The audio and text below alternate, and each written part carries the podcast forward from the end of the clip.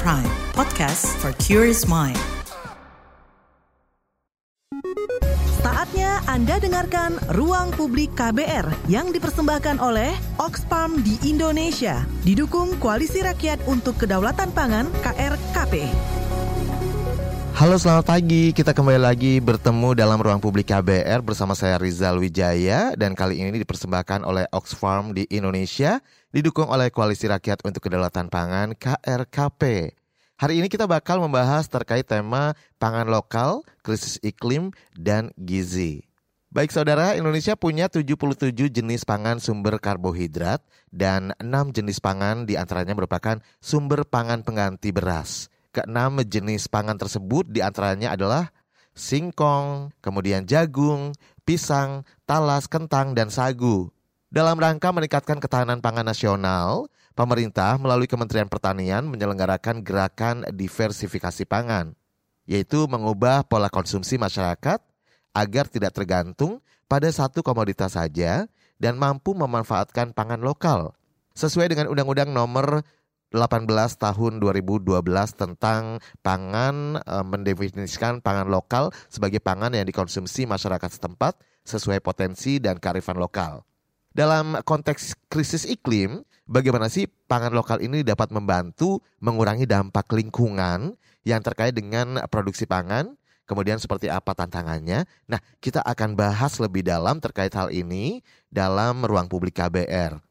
Dan sekarang saya akan uh, menghadirkan dua narasumber yang sudah terhubung secara virtual melalui aplikasi Zoom ya. Saya akan sapa satu persatu. Yang pertama uh, ada Mbak Widya Hasian Situmeang selaku penggerak pangan KRKP. Selamat pagi Mbak Widya. Selamat pagi Mas, apa kabar? Alhamdulillah sehat. Mbak Widya juga sehat ya? Sehat, terima kasih. Baik, dan juga berikutnya saya juga akan menyapa Mas Yohanes Kadaboli Watukula uh, atau Mas Karli ya yang biasa dipanggil dari lokal champion pangan baik Desa Kawalelo. Selamat pagi, halo Bang Karli. Halo pagi Bang Rizal, apa kabar hari ini? Sehat dong, Bang Karli juga ya selalu uh, tersenyum menebar senyum, menebar kebaikan. Karena sebagai uh, lokal champion pangan baik ya, jadi selalu menebar kebaikan. Baik, dan semoga pendengar kita juga tertular dong dengan kebaikan-kebaikan Mas Karli, uh, Bang Karli dan juga Mbak Widya pagi hari ini ya. Kita akan bahas terkait tema yang sangat menarik sekali yang pertama saya akan ke Mbak Widya terlebih dahulu dari KRKP nih sebagai tuan rumah ya yang punya acara. Oke, Mbak Widya, mungkin kita boleh kenalan terlebih dahulu ya terkait dengan Koalisi Rakyat untuk Kedaulatan Pangan KRKP ini. Apa sih KRKP? Kapan mulai dibentuk? Kemudian tujuannya apa? Apa yang melatar belakangi? Ya, terima kasih Mas. KRKP sendiri adalah atau Koalisi Rakyat untuk Kedaulatan Pangan adalah sebuah organisasi non pemerintah yang uh, merupakan perkumpulan dari berbagai organisasi dan uh, individu-individu yang concern terhadap upaya mewujudkan kedaulatan pangan di Indonesia. Nah, kedaulatan pangan itu sendiri dimaksudkan agar Indonesia itu bisa sebagai uh, tentu saja kita adalah tuan rumah di negara kita sendiri petani kita adalah tuan rumah di tanahnya sendiri begitu uh, bisa memutuskan bagaimana sih cara kita memperoleh pangan, cara kita konsumsi, kemudian pangan seperti apa yang akan kita konsumsi. Mungkin secara umum dan singkatnya seperti itu begitu. Nah, tapi hal ini tidak sederhana sehingga pada Februari 2003 itu mulai digagaslah organisasi ini KRKP begitu. Nah, kemudian secara resmi kami tercatat uh, sebagai organisasi resmi itu di 2006 kurang lebih begitu dan kemudian berkembang uh, hingga sekarang kami punya sekitar 25 jejaring organisasi di semua hampir di setiap provinsi di Indonesia. Uh, Papua belum ada sih dan sekalian nih kalau ada teman-teman di Papua yang ingin bergabung kami sangat terbuka begitu. Uh, dan juga kami bekerja sama dengan banyak universitas kemudian uh, dengan banyak organisasi dan jejaring lainnya. Begitu kira-kira Mas. Oke, jadi fokus kerjanya KRKP ini sebenarnya apa nih Mbak? Kami banyak mengadvokasi uh, apa namanya upaya perwujudan kedaulatan pangan untuk di level pemerintah begitu dan juga kami banyak melakukan riset serta mensupport petani dan pelaku pangan yang lain di Indonesia. Baik, tadi disebutkan ya, hampir seluruh wilayah Indonesia, uh, mungkin Papua yang belum terdaftar gitu ya, Mbak. Uh, ya, Mbak. Oke, okay. jadi daerahnya seluruh wilayah di Indonesia ini menjadi concern KRKP ya, menjadi wilayah kerja KRKP ya. Betul. Dan kalau tadi sudah kenalan dengan Mbak Widya, kali ini saya juga harus kenalan dengan Bang Karli nih. Bang Karli, uh, boleh tahu nih, uh, kalau pagi hari ini posisi ada di mana Mbak Bang Karli? Lagi di kampung. Di kampung. Di desa. Di desa? Kawalelo. Kawalelo itu merupakan uh, provinsi Nusa Tenggara Timur. Nusa Tenggara Timur. Nah, kita ingat banget ya kalau Nusa Tenggara Timur zaman dulu nih kan terkenal dengan makanan pokoknya kalau ditanya ke anak-anak nih zaman kita uh, sekolah SD gitu ya. Makanan pokok Nusa Tenggara Timur apa? Sagu gitu kan ya, Mbak Widya. kemudian eh, eh jagung ya, jagung ya. Iya, jagung, sorry. Uh, kemudian kalau sagu mana ya? Kayaknya Sulawesi dan Papua Sulawesi ya. dan Papua. Kemudian Madura, jagung ya. Oke, dah ini Bang Karli boleh ceritakan nih Bang Karli. Kemarin kan mengikuti kegiatan pangan baik ya di Desa Kawalelo uh, eh, NTT gitu ya. Uh, uh, mungkin boleh dikasih tahu terlebih dahulu nih nih Bang Karli ini uh, uh, hadir dari komunitas atau secara personal sendiri gitu mengikuti kegiatan pangan baik ini atau gimana? Uh, baik, uh, saya balik ya kak pernyataannya saya bukan mengikuti kegiatan pangan baik, tapi sebenarnya yang saya rasakan pangan baik yang mengikuti kegiatan saya. Artinya, oh, oke. Okay. Artinya kegiatan kami itu sudah ada uh, kehadiran teman-teman pangan baik ini itu kayak jadi penyempurna begitu. Hmm. Yep. Oke. Okay. Jadi kalau kami teman-teman pangan baik hadir bawa pelengkapnya, begitulah. Baik. Ini kegiatan pangan baik ini mungkin boleh diceritakan nih apa sebenarnya kegiatan pangan baik itu? Oke baik, eh, kegiatan pangan baik ini artinya kita berawal eh, berakat dari pangan baiknya sendiri, dari eh, pengertian pangan baiknya sendiri. Jadi bagaimana kita mengidentifikasi apa yang eh, masalah pangan yang terjadi di desa kita, di desa saya, sama teman-teman yang ada di Flores Timur di sini, tambah di Lembata. Eh, kemudian bagaimana menemukan masalah di desa itu, kemudian apa yang harus kita lakukan begitu untuk keluar dari masalah-masalah itu sebenarnya. Fokusnya ke situ. Oke, kalau berdasarkan dari uh, pantauan Bang Karli ini, permasalahannya apa nih? Bang Karli kan yang bersentuhan langsung gitu ya. Ya. Yang paling krusial deh. Kalau di desa saya ini kak, ini yang satu yang kita tidak bisa hindari sama sekali ya masalah gagal panen. Itu karena curah hujan yang tidak menentu lagi, musim sudah tidak bisa diprediksi lagi, jadwal tanamnya bagaimana bagaimana kita sudah tidak bisa tahu lagi kayak dulu. Dulu kan pas gitu. Dari bulan sekian bulan sekian musim hujan sekarang sudah tidak bisa lagi. Nggak bisa ditebak ya. Desa saya juga airnya juga nomor satu krusial airnya. Hmm. Fokus kegiatan kami di sini juga termasuk itu konservasi mata air. Oke, baik. Nah, apa nih yang uh, uh, kakak-kakak lakukan uh, bersama rekan-rekan di sana dalam kegiatan pangan baik, termasuk dalam uh, uh, mencari solusi dari permasalahan yang tadi sudah disebutkan? Jadi kita mengidentifikasi begini kak, uh, yang kita temukan di di desa kita ini lepas dari konservasi eh, konservasi dulu saya cerita sedikit tentang apa masalah yang kami temukan di desa saya terkait pangan lokalnya di sini. Itu kita di sini hampir lima tahun belakangan ini eh, lima tahun sampai sepuluh belakang ini hampir dibilang gagal panennya lebih tinggi dibanding dibanding yang berhasil. Kenapa ketika datang musim hujan itu orang rame-rame tanam tapi pas tumbuh hilang hujannya. Jadi benar-benar bergantung pada uh, hujan sih sebenarnya kita. Jadi kita tidak bisa buat banyak kalau soal tergantung dari iklim atau perubahan cuaca ini kita tidak bisa buat banyak sama sekali. Kita tidak bisa minta hujan, kita tidak duduk berdoa dan Tuhan kasih kami hujan tidak.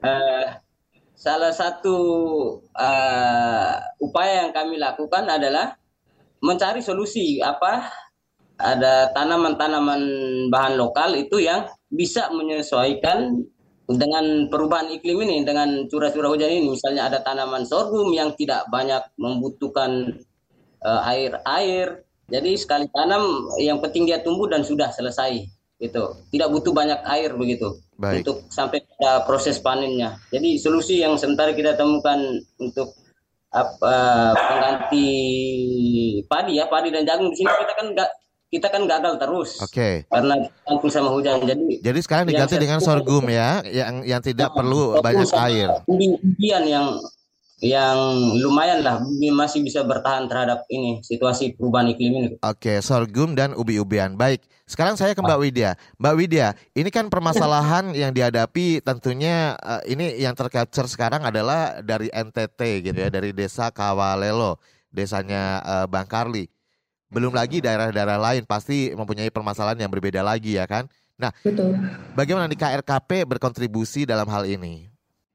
Iya, KRKP biasanya melakukan riset terlebih dahulu sebagai basic begitu, karena uh, kami yakin bahwa setiap komunitas di setiap daerah itu punya sistem pangan yang terlebih dahulu sudah ada uh, diwariskan oleh nenek moyang dan kami yakin itu sebetulnya yang lebih berkelanjutan dalam artian itu sudah teruji bertahun-tahun, tapi kemudian atas nama pembangunan mungkin diubah di tengah jalan.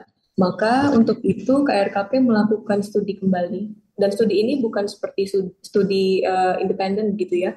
Kami melakukannya bersama dengan komunitas sehingga betul-betul komunitas juga me mengingat kembali apa yang sudah pernah dilakukan praktek baik uh, untuk me memproduksi, mengkonsumsi, mendistribusikan pangan, menyimpan pangan, begitu, mengolah pangan di lokasi masing-masing. Sekalian kita belajar bersama, begitu. Nah, upaya ini kemudian kami bantu formulasikan dalam bentuk yang uh, mungkin lebih um, mudah untuk dicerna banyak orang, dan kemudian kami sampaikan juga ke pihak-pihak yang punya kekuatan atau misalnya punya power begitu supaya sistem itu tidak mati dan hilang karena memang sudah terbukti tuh dari zaman dulu nenek moyang kita hidup dan dan baik-baik saja dengan uh, sistem seperti itu. Maka pesan tersebut kemudian kami sampaikan kepada pemerintah daerah, pemerintah desa dulu biasanya di level yang paling kecil, naik ke pemerintah daerah, kemudian di level nasional juga kita sampaikan kepada pemerintah. Sehingga program yang ada itu bisa disinergikan dengan uh, bagaimana situasi real di lapangan Eh, kami yakin pemerintah punya banyak inisiatif dan berupaya keras juga untuk memenuhi pangan, mem membantu pemenuhan pangan di setiap daerah.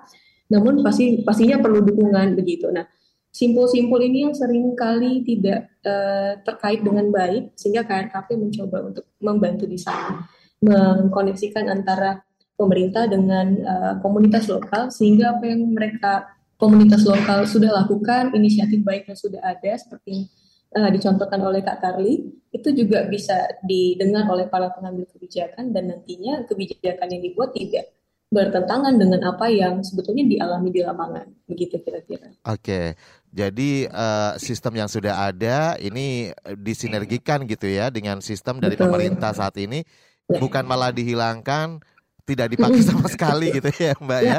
Karena tadi seperti disebutkan bahwa eh, pendahulu-pendahulu kita juga baik-baik saja dengan sistem yang sampai sekarang hmm. masih dipakai gitu ya. Ya. Baik. Dan dari hasil riset gitu ya Mas ya. Iya. Ini menjadi rekomendasi juga ya eh, bagi KRKP ya, kepada uh, pemerintah atau pihak yang berwenang. Baik, nanti ya. kita uh, coba gali lagi hasil riset yang lain seperti apa ya dari KRKP, kemudian permasalahan-permasalahan apa lagi yang dihadapi oleh uh, Bang Karli dan teman-teman di sana. Dan saya juga penasaran nih Bang Karli dari uh, tadi disebutkan bahwa sorghum, kemudian ubi-ubian itu kan menjadi alternatif gitu ya menjadi ya tanaman lokal yang bisa lebih bisa menyesuaikan iklim gitu ya. Nah, nanti boleh diceritakan juga seperti apa bentuk olahannya ya kan? Boleh dibagikan, siapa tahu menginspirasi eh, wilayah-wilayah lain juga. Jangan ke mana-mana, saya akan kembali setelah jeda iklan, tetap di ruang publik KBR. Masih Anda dengarkan Ruang Publik KBR yang dipersembahkan oleh Oxfam di Indonesia, didukung Koalisi Rakyat untuk Kedaulatan Pangan KRKP.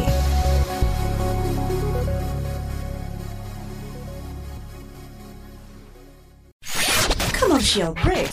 Commercial break.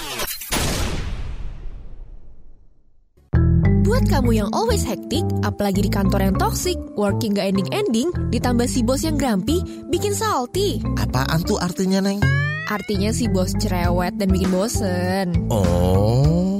Join yuk di KBR Pagi, siaran pagi radio paling update, menghadirkan berbagai informasi yang paling update dan terkini, ditambah playlist yang lit and chill. Apaan lagi ini artinya, Neng? Ih, rese. Artinya keren dan menyenangkan. Oh iya iya. Simak KBR Pagi setiap Senin sampai Jumat, mulai pukul 7 pagi, di radio jaringan KBR dan podcast kbrprime.id. Masih Anda dengarkan Ruang Publik KBR yang dipersembahkan oleh Oxfam di Indonesia, didukung Koalisi Rakyat untuk Kedaulatan Pangan KRKP. Anda masih bersama saya Rizal Wijaya di Ruang Publik KBR dan pagi hari ini dipersembahkan oleh Oxfam di Indonesia didukung oleh KRKP Koalisi Rakyat untuk Kedaulatan Pangan ya. Kita masih membahas pangan lokal, krisis iklim, dan gizi. Saya masih bersama Mbak Widya Hasian Situmeang selaku penggerak pangan KRKP dan ada Bang Yohanes Kada Boli Watukola atau Bang Karli akrabnya ya eh, sebagai lokal champion pangan baik Desa Kawalelo. Baik, dan saya akan cek dulu nih ada beberapa pertanyaan juga yang sudah masuk. Saya akan bacakan dari YouTube. Ada Mbak Dari, eh, Bang Karli, ubi itu enggak eh ubi enggak yang banyak ditemukan apa sih? sebentar, sebentar. uh, ubi yang banyak ditemukan di Kawalelo ini bisa dimasak jadi apa saja bentuk olahannya mungkin ya. Boleh diceritakan nih uh, Bang Carly. Oke baik terima siapa kakak siapa tadi Mbak Dari. kakak dari dari Iya. uh, baik kak uh, kebetulan saya orang kampung jadi untuk ubi ya kita sesimpel mungkin yang kita yang di kampung. Bisa jadi kolak bisa jadi keripik terus uh, bisa dibuat tepung. Dikeringkan dulu baru dibuat tepung. Sesederhana itu saja tapi tidak mengurangi nilai gizinya yang ada kan? Oke. kita belum sampai pada yang tingkat uh, bintang limanya itu belum. Kita belum sampai Bintang 5 versi apa dulu nih? Kalau versi Bang iya, kalau versi Bang Karli kan bisa aja uh, bintang satu aja udah enak Bang Karli. Oke, Bang Karli, ini menarik ya. Tapi Bang Karli sendiri setiap hari sudah mulai mengkonsumsi uh, pangan pengganti ini ya? Iya kak, ini eh, tidak tidak setiap saat, tetapi minimal sehari sekali itu itu perlu itu. Kalau pagi hari ini udah belum? Tadi baru ngopi sama Oke, baik, baik, oke. Biasanya itu sore eh, lagi ngumpul-ngumpul sama teman-teman itu lebih seru, lebih lebih lebih bersemangat gitu. Kayak ada suasana sendiri yang dibangun sehingga nafsu makan juga tambah. Gitu. Iya, yeah. tapi uh, uh, makan ubi juga udah kenyang gitu ya. Apalagi ubinya misalnya satu piring dibikin kolak pula ya kan. jadi udah udah udah nggak inget lagi, udah nggak ada pengen lagi makan nasi gitu ya. Ya, ya, kakak. Oke, baik. Jadi uh, ini inisiatif dari Bang Karli dan teman-teman bisa jadi juga mulai bisa diikuti oleh teman-teman yang lain di wilayah lain gitu ya. Mbak Widya, bagaimana nih melihat dari inisiatif teman-teman seperti Bang Karli dan teman-teman di sana nih? Ya, kami sangat menyambut baik dan sangat senang justru karena kebetulan KRKP itu kan posisinya di Bogor ya, di Jawa Barat, lumbung padi banget ceritanya begitu. Jadi ceritanya uh, bisa, dibilang di sini itu monokulturnya dominan padi uh, sehingga kekayaan cita rasa Nusantara yang lain itu kadang tidak sampai ke meja makan begitu. Nah, hmm. bergaul dengan Bang Karli dan teman-teman itu membuat kami menjadi lebih merasa wah Indonesia tuh keren banget ya. Banyak makanan, banyak uh, tadi ini nggak cuma tentang makanan ya Bang Karli, tapi ya. bagaimana tradisi begitu itu juga kami pelajari bersa, dengan bergaul bersama Bang Karli gini cerita-cerita. Termasuk uh, gimana cara penyajian resep-resep sebenarnya kan kayak singkong gitu kan adalah uh, umbi-umbian sumber karbohidrat yang biasa kita dapatkan di pasar-pasar begitu. Betul. Termasuk di Jawa Barat. Tapi ada tips dan trik yang biasanya hanya diketahui oleh uh, dapurnya Bang Karli, dapurnya mungkin teman-teman di uh, tempat-tempat lain begitu yang akhirnya kami juga jadi bisa nyicipin resep dan tips dan trik tersebut gitu loh berbagi, Mas. Berbagi resep gitu ya. Iya betul sekali. Saya paling suka kalau misalnya main uh, ada kesempatan ada rezeki gitu ya main ke uh, tempatnya teman-teman. Kebetulan kalau ke tempat Bang Karli saya belum pernah nih, tapi saya pernah ke Sumba. Tetangga ya Bang Karli ya. dan tetangga. Dan betul. Bumbunya sederhana, maksudnya nggak sekompleks yang kita uh, pikirkan. Misalnya ya biasanya cabai gitu ya, cabai, gula, garam begitu di dapur. Kemudian nanti ditambahkan dengan uh, sumber karbohidrat lokal gitu misalnya ada sorghum ada ubi-ubian ubi luwa apalagi tuh dengan nama lokal begitu atau uh, ada juga yang masih pakai jagung tapi dengan cara-cara yang belum pernah saya lihat sebelumnya di uh, Indonesia bagian barat okay. gitu dan bagi saya yang lahir di Indonesia bagian barat tuh menarik banget dan menambah apa ya pengalaman rasa saya gitu. Betul. Iya, menarik sih. Saya jadi inget juga kayak dibawa ke flashback ke masa lalu gitu ya waktu zaman kecil. Kita kan akrab banget ya kayak misalnya makan nggak harus makan nasi, makan jagung yang disebut kalau di Jawa daerah saya Jawa Tengah itu namanya grontol. Jagung dikasih gula dikit sama ampas gitu kan itu enak yeah, banget yeah. gitu loh. Oke. okay. Jadi permasalahan iklim ini juga sangat berdampak gitu ya uh, jadi gagal panen, ya kan? Nggak bisa ditebak lagi seperti tadi sudah diutarakan oleh Bang Karli. Ini hubungannya seperti apa sih uh, krisis iklim ini dengan uh, pangan lokal? Nah, seperti tema kita hari ini. Silakan Mbak Widya boleh dielaborasi lagi. Uh, mungkin saya bicara dari hasil riset yang kami lakukan ya, Mas ya. Kalau real di lapangan kan Bang Karli pasti lebih tahu okay. begitu. Nah, um, kalau yang kami pelajari bahwa setiap sebetulnya setiap daerah di Indonesia kan punya karakteristik yang sangat beragam untuk ekosistemnya begitu. Ketika kita ngomongin pangan kan kita ngomongin ekosistem. Nah, saat uh, kita bergantung pada satu jenis tanaman pangan, maka kita berarti mengupayakan ekosistem tersebut di, di, diwujudkan dalam eh, masing-masing uh, lokasi begitu. Contohnya kalau di Indonesia kan masih ngomongin beras ya. Hmm. Beras atau padi itu kan ditanam dengan ekosistem yang dia butuh air banyak di awal begitu dan kemudian nanti di akhir mungkin tidak terlalu banyak dan pengennya nggak ada hamanya gitu biar jadi semua nih biar panennya full gitu. Tapi karakteristik berbagai daerah di Indonesia tidak semuanya sama sehingga pada misalnya kayak di Indonesia Timur Bang Ali tadi udah mention juga ada musim-musim tertentu di mana curah hujan itu sangat rendah gitu ya Bang Karli. Tapi yeah. ada juga musim di mana curah hujan itu sangat tinggi intensitasnya. Nah, dengan karakteristik tanah yang berbeda, uh, pada akhirnya nggak semua hujan yang tadi banyak itu bisa tertampung, terserap dengan baik. Misalnya tanahnya tanah karang gitu. Kalau di Nusa Tenggara Timur kan banyak ya Bang Karli ya. Tanahnya karang. Beda dengan uh, di Jawa misalnya yang tanahnya rata-rata udah ready untuk dijadikan sawah sehingga hujan banyak pun bisa diserap tanah nanti jadi cadangan air tanah gitu.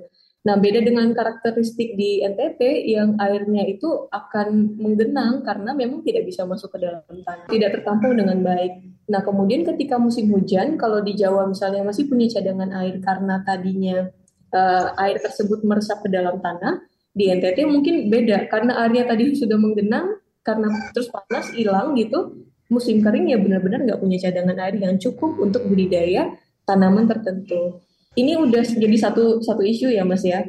Nah itu pas keadaan lagi normal musimnya masih bisa ditebak gitu kan bang Karli. Ketika yeah. perubahan iklim terjadi uh, hasil riset kami menunjukkan ada kemunduran musim yang begitu bukan kemunduran musim ya kemunduran uh, datangnya curah hujan yang begitu ekstrim hmm.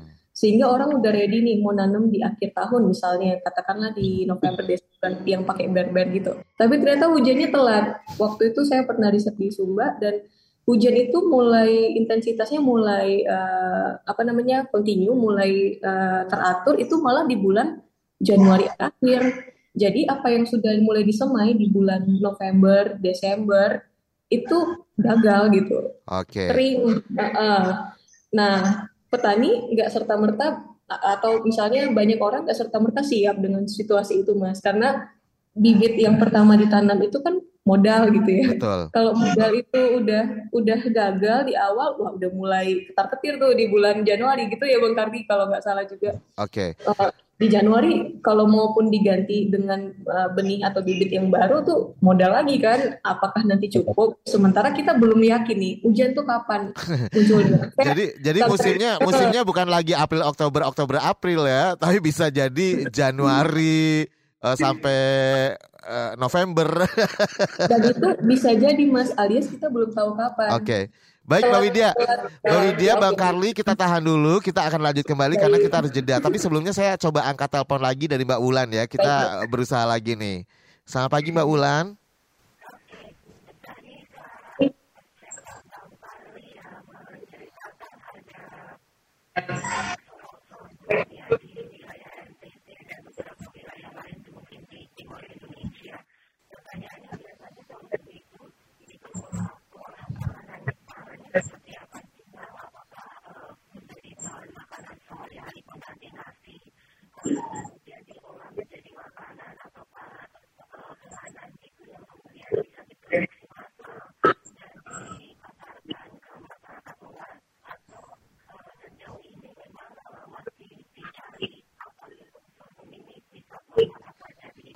Oke, terima kasih.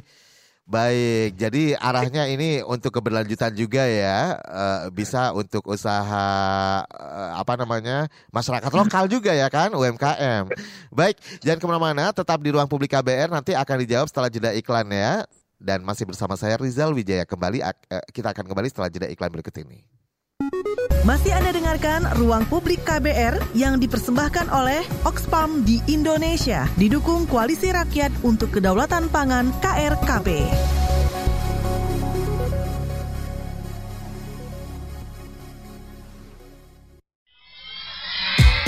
Yuk follow sosial media KBR. Twitter at Berita KBR, Instagram at KBR.id, Youtube Berita KBR. Masih Anda dengarkan Ruang Publik KBR yang dipersembahkan oleh Oxfam di Indonesia, didukung Koalisi Rakyat untuk Kedaulatan Pangan KRKP. Sudah separuh perjalanan ya, saya bersama uh, Anda di Ruang Publik KBR yang dipersembahkan oleh Oxfam di Indonesia dan didukung oleh Koalisi Rakyat untuk Kedaulatan Pangan KRKP.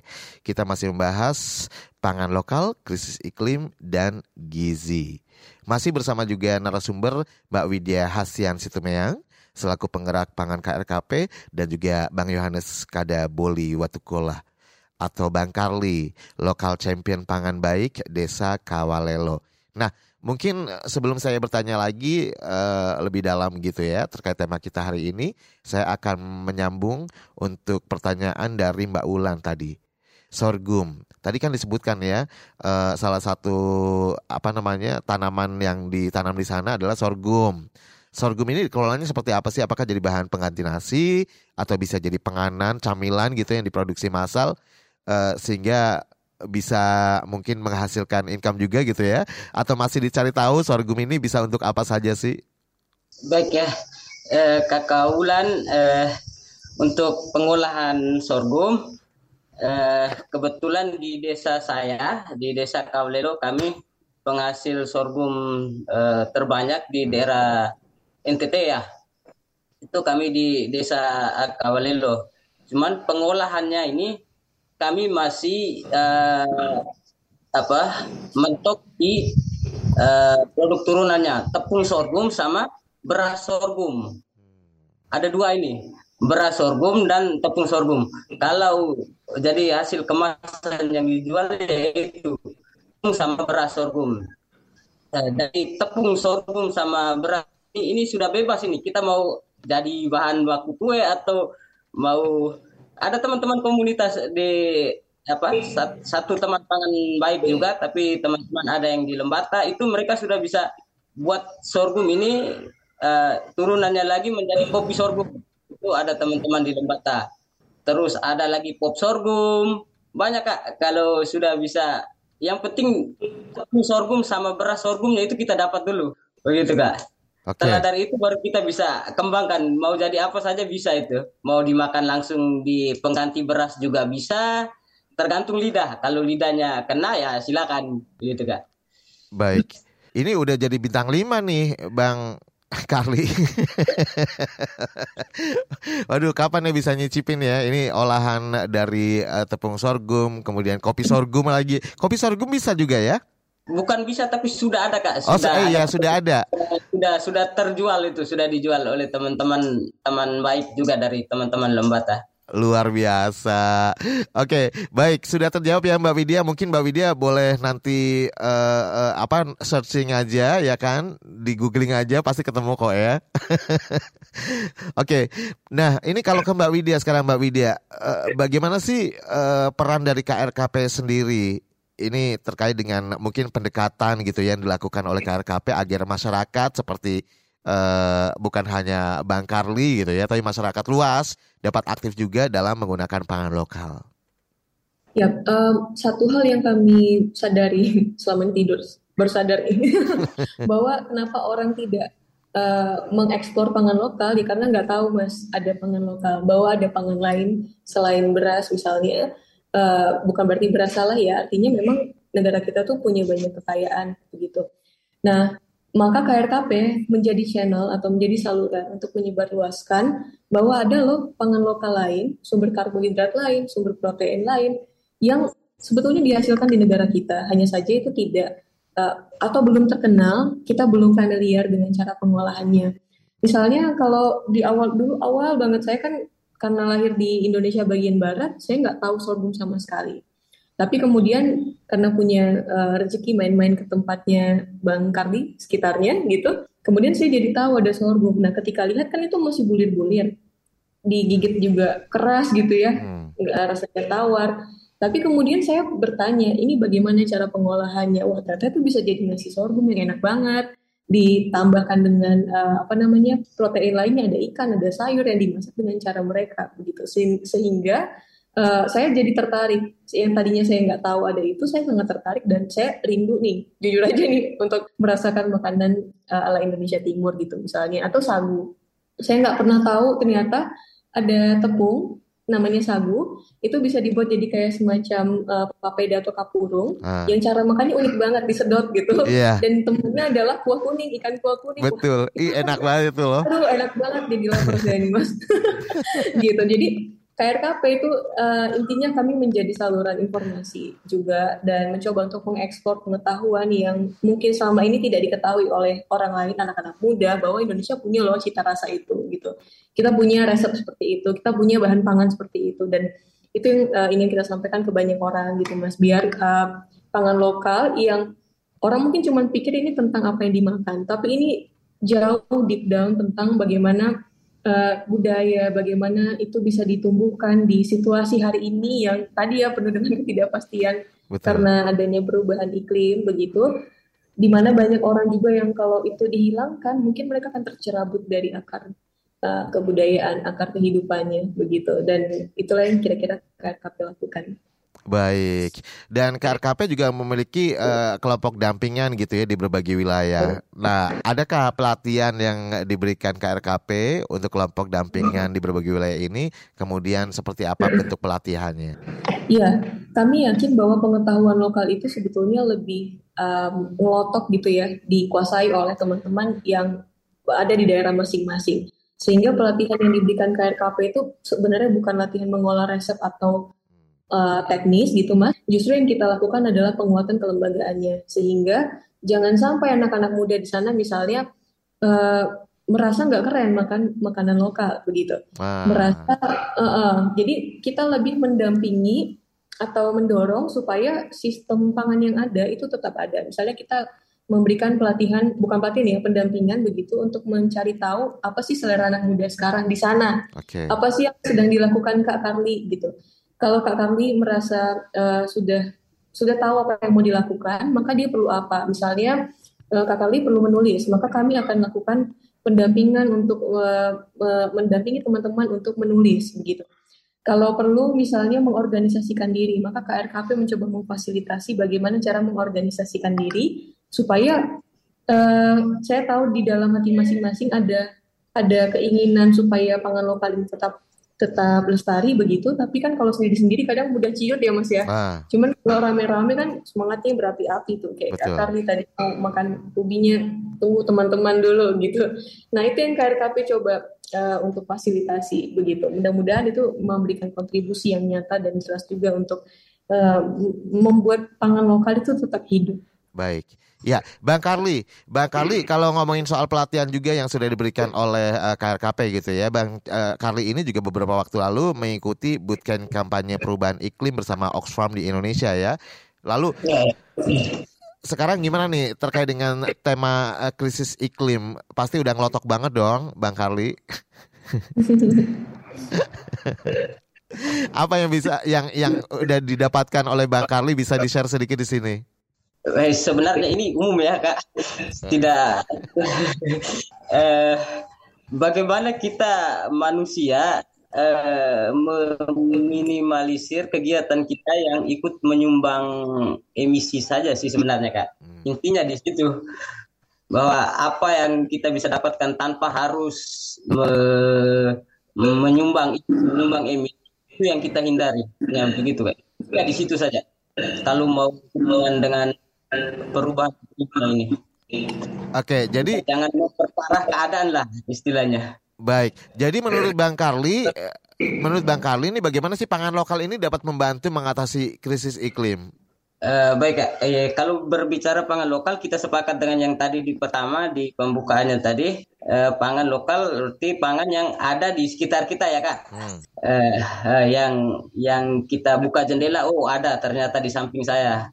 Kita keluar apa? Jadi istilahnya kita stop impor barang dari luar, stop beli barang dari luar yang dalam perjalanannya harus dimuat pakai pesawat lah, kereta lah, kapal lah, yang butuh bahan bakar fosil ini yang yang sangat pengaruh besar sekali ini. Gitu kak. Jadi manfaatkan saja apa yang ada di sekitar kita. Tidak perlu sampai ya perlu tapi jangan sampai dari 9 sampai 10 eh dari 1 sampai 10 poinnya 9 janganlah. Oke, baik. Kalau masyarakat seperti Bang Karli semua nih keren banget ya Mbak Widya ya. Harapannya sih masyarakat semakin aware dengan hal ini ya kan. Baik. Dan eh, tapi sebelumnya saya juga akan membaca beberapa komentar dari YouTube nih men- menarik nih Eva Chan. Eh, saya jadi tertarik dengan sorghum loh, tapi infonya saya baru dengar hari ini. Wow, tepuk tangan dong untuk Bang Karli, luar biasa Bang Karli. Eh, sepertinya banyak pangan di Indonesia yang bisa jadi pengganti pangan utama kita tapi tidak terekspos gitu. Seperti sorghum bisa diganti dengan gandum. Apakah bisa gitu? Apakah bisa sorghum bisa mengganti gandum gitu? Oke, Bisa, Eh, bisa ya tadi sudah dijelaskan juga. Tapi nanti ya eh, mungkin mau direspons oleh Bang Karli eh, pernyataan dari Mbak Eva Chan ini nanti setelah jeda iklan ya. Ini waktunya terbatas sekali. Kita nanti masuk bagian akhir ruang publik KBR. Jangan ke mana-mana. Masih Anda dengarkan Ruang Publik KBR yang dipersembahkan oleh Oxfam di Indonesia, didukung Koalisi Rakyat untuk Kedaulatan Pangan KRKP.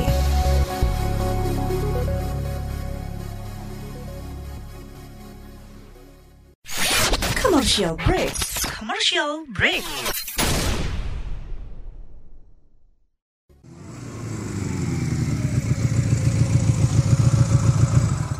Basic paket. Yuhu, paket buletin pagi aku udah datang. Isinya lengkap banget. Ada berita-berita menarik dari berita politik, ekonomi, sosial budaya, sampai berita olahraga. Penasaran isi selengkapnya? Dengerin aja di kbrprime.id. Search Buletin Pagi. Masih Anda dengarkan Ruang Publik KBR yang dipersembahkan oleh Oxfam di Indonesia, didukung Koalisi Rakyat untuk Kedaulatan Pangan KRKP. Sampai juga di bagian akhir ruang publik KBR yang dipersembahkan oleh eh, Oxfam di Indonesia didukung oleh Koalisi Rakyat untuk Kedaulatan Pangan KRKP. Kita masih membahas pangan lokal, krisis iklim dan gizi ya. Baik, dan saya juga masih bersama Mbak Widya eh, selaku penggerak pangan KRKP ser- serta Bang Karli. Ini Bang Karli bukan Karli ST12 ya. Itu Charlie. Bang Karli selaku lokal champion pangan baik Desa Kawalelo. Baik. Nah, eh, sebelum menanggapi eh, tadi pernyataan yang sangat menarik ya dari Eva Chan. Sekarang saya ke Bang Kristanto dari Semarang. Selamat pagi Bang Kristanto. Ya, silakan. Di sini sudah menjelang malam loh. Halo. Silakan.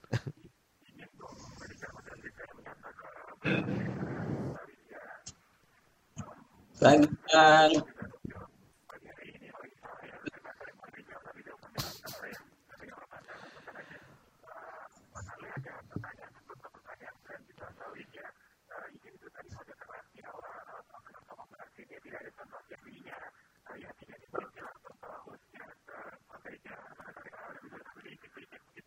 Iya harusnya ya.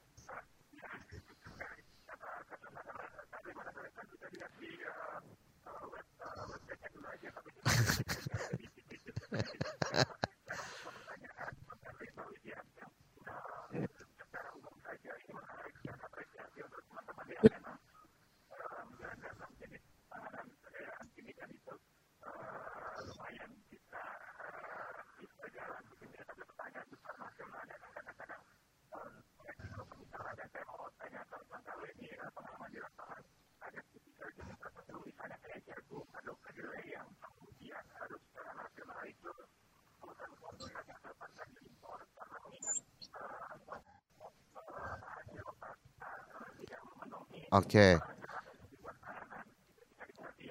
Ya.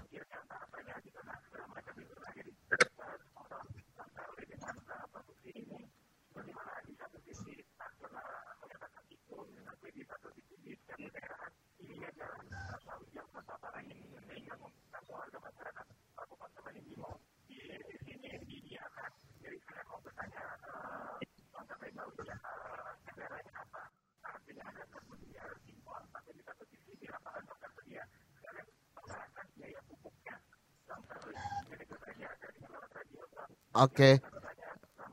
Terima kasih Bang Kris. Kalau dari Semarang apa ya panganan lokalnya tadi lupa ditanyakan deh. Silakan eh, mungkin dari Mbak Widya terlebih dahulu. Silakan Mbak Widya. Mas saya tuh tadi agak kurang jelas suaranya. Oh gitu. Oke. Boleh dibantu Mas tadi Baik. pertanyaannya? Jadi eh, bagaimana kendala Mm-mm. masyarakat kan tentunya menjadi bingung ini ya. Di sisi lain pemerintah kan eh, apa namanya ada pernyataan gitu harus diimpor karena eh, di dalam negeri kurang pasokan gitu ya dari eh, bahan pangan ini. Nah, em, sementara dia harus tetap memenuhi kebutuhan dengan bahan pangan disarankan untuk itu mencari pengganti beras gitu kan. Nah, ini seperti apa nih kendala kendala yang dihadapi sebenarnya di lapangan seperti apa sih? Oke, mudah-mudahan saya nggak salah tangkap Iya. agak putus-putus. Mungkin ke Bang Karli dulu, Bang Karli, Bang Mhm. Karli yang Bang Karli yang sudah eh, Ya. sudah menjalani langsung gitu ya. Bagaimana dengan pernyataan pemerintah ini kalau Bang Karli menilai tadi yang sudah Bang. disampaikan oleh Bang Kris? Ya baik, terima kasih kakak. Siapa pembicara eh pe- penanyanya tadi? Iya Mas Kris, Kris. Agak putus-putus juga tadi. Iya Mas Kristanto di Kak Kris, Semarang. ah, begini kak, Kak Kris, eh, kalau pemerintah mah enak duduk di di dalam di dalam kantor tinggal tunggu apa yang masuk di kantornya mereka. Tapi yang lebih tahu kenyataan di lapangan ini kan sebenarnya kita yang ada di lapangan. Eh, kita bebas mau tentukan pilihan kita mau makan apa mau makan apa. Jadi tidak perlu sebenarnya. Sampai ini harus harus ya harus untuk mereka. Tapi kan untuk kita tidak bang sebenarnya. Karena kita punya sebenarnya. Hanya kita tidak tidak mau fokus di situ. Kita tidak mau tidak mau mau yang enaknya saja. Jadi begitu hasilnya. Tapi sejauh ini sebenarnya Bang Karli kalau di Kawalelo sendiri Bang Karli eh, mendapat dukungan dari pemerintah daerah nggak sih? Dari apa yang itu sudah tetap dilakukan? bantuan-bantuan itu tetap ada Hmm. kayak bantuan raskin apa itu tetap ada cuman cuman itu kalau sudah sampai kan tidak eh, bukan tidak bisa menolak tapi masyarakat ya sudahlah kalau karena sudah sampai jadi kita ambil saja kayak begitu Oke. tapi sebenarnya kita punya banyak eh, di di apa di di sekitar kita hanya kita tidak mau serius tekuni itu saja bang jadi Tapi tidak kesampaian tapi jangan patah semangat ya Bang Karli ya sama teman-teman di sana ya. tidak Oke. nah, soal pupuk gimana nih Bang Karli? tadi kan juga Kalau disebutkan. pupuk sampai Ketersedia- detik ini kami masyarakat Kawlelo tidak pernah menggunakan pupuk bantuan Wow. dari pemerintah sampai detik ini.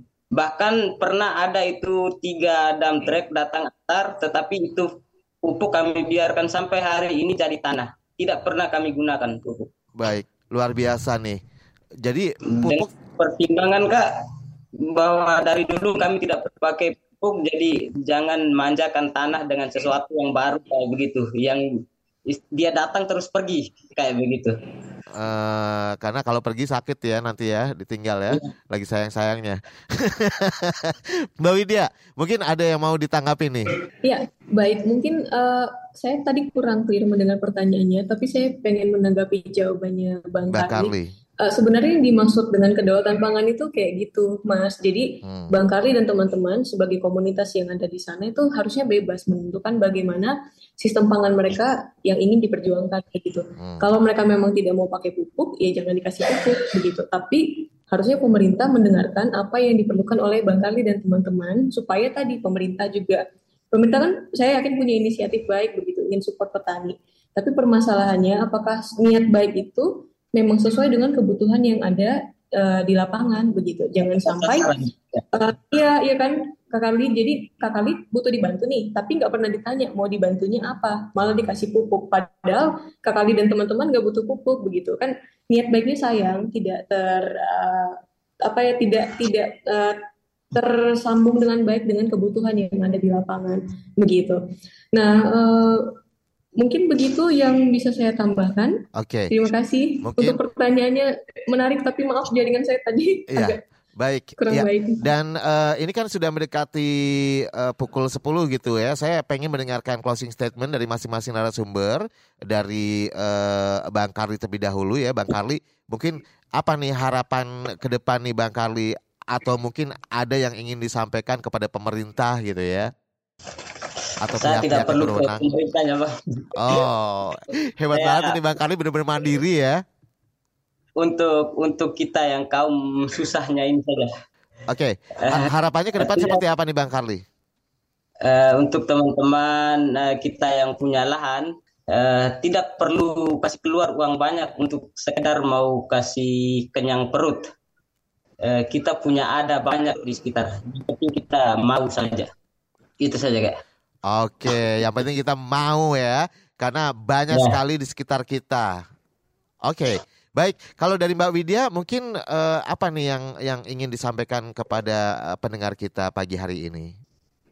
Baik, eh, mungkin yang ingin saya sampaikan adalah perubahan iklim itu nyata, sudah dialami terlebih dahulu mungkin di daerah-daerah lain. Dan kita sebagai, kalau untuk pendengar eh, teman KBR ya, Ya. teman KBR di mana pun berada, eh, pangan itu adalah sesuatu yang tidak ten- hanya tentang apa yang kita makan, tapi banyak orang yang terlibat di dalamnya. Maka mari kita proaktif mencari tahu tentang kita, dan juga kita harus aware bahwa perubahan iklim itu memang berdampak untuk pangan. Maka dari itu marilah pilih pangan kita dengan bijak supaya pangan yang kita konsumsi itu baik untuk kita dan baik untuk orang lain dan juga lingkungan di sekitarnya.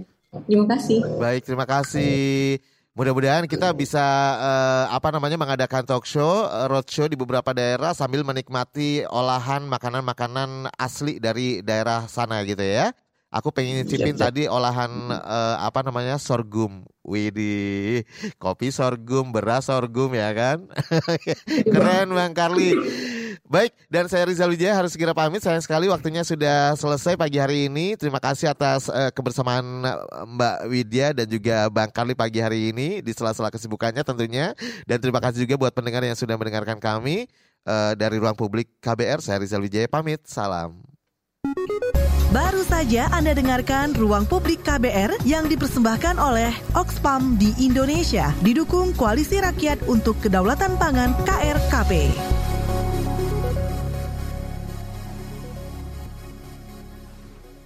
KBR Prime, cara asik mendengar berita. KBR Prime, podcast for curious mind.